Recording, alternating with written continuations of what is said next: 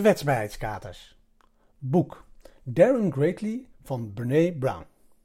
Brene Brown vertelt ons dat we allemaal echt van andere mensen willen, is dat ze authentiek zijn.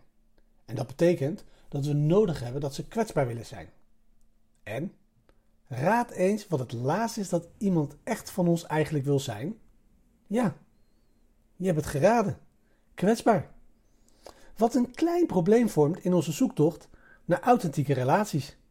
Precies wat we willen van elkaar en wat we nodig hebben, is datgene wat we juist het moeilijkste kunnen geven. En dat leidt ons naar de microles van vandaag.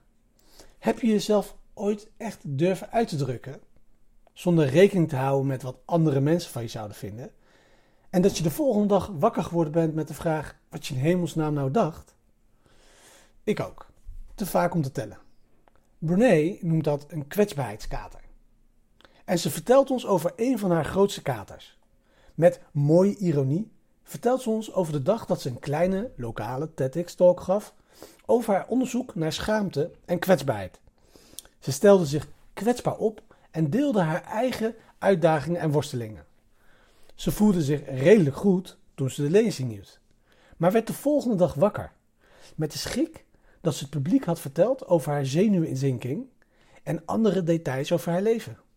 De lezing werd natuurlijk gefilmd en ze begon zich meteen voor te stellen dat ze de organisatoren zou bellen en dat ze het gesprek zou laten verwijderen. En als dat niet zou werken, zou ze het misschien op een of andere manier van de service kunnen krijgen. Het is onmogelijk, dacht ze.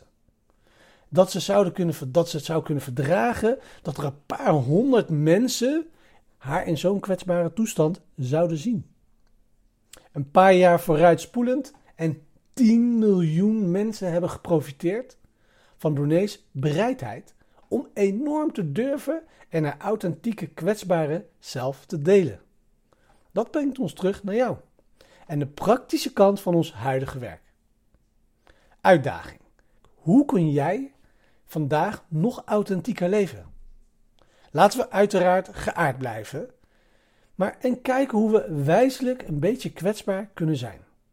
En als je morgen wakker wordt met een kleine kater over kwetsbaarheid, herinner jezelf er dan aan dat dat gevoel een achteruitrijindicator is en dat het een teken is dat er iets juist niet mis is.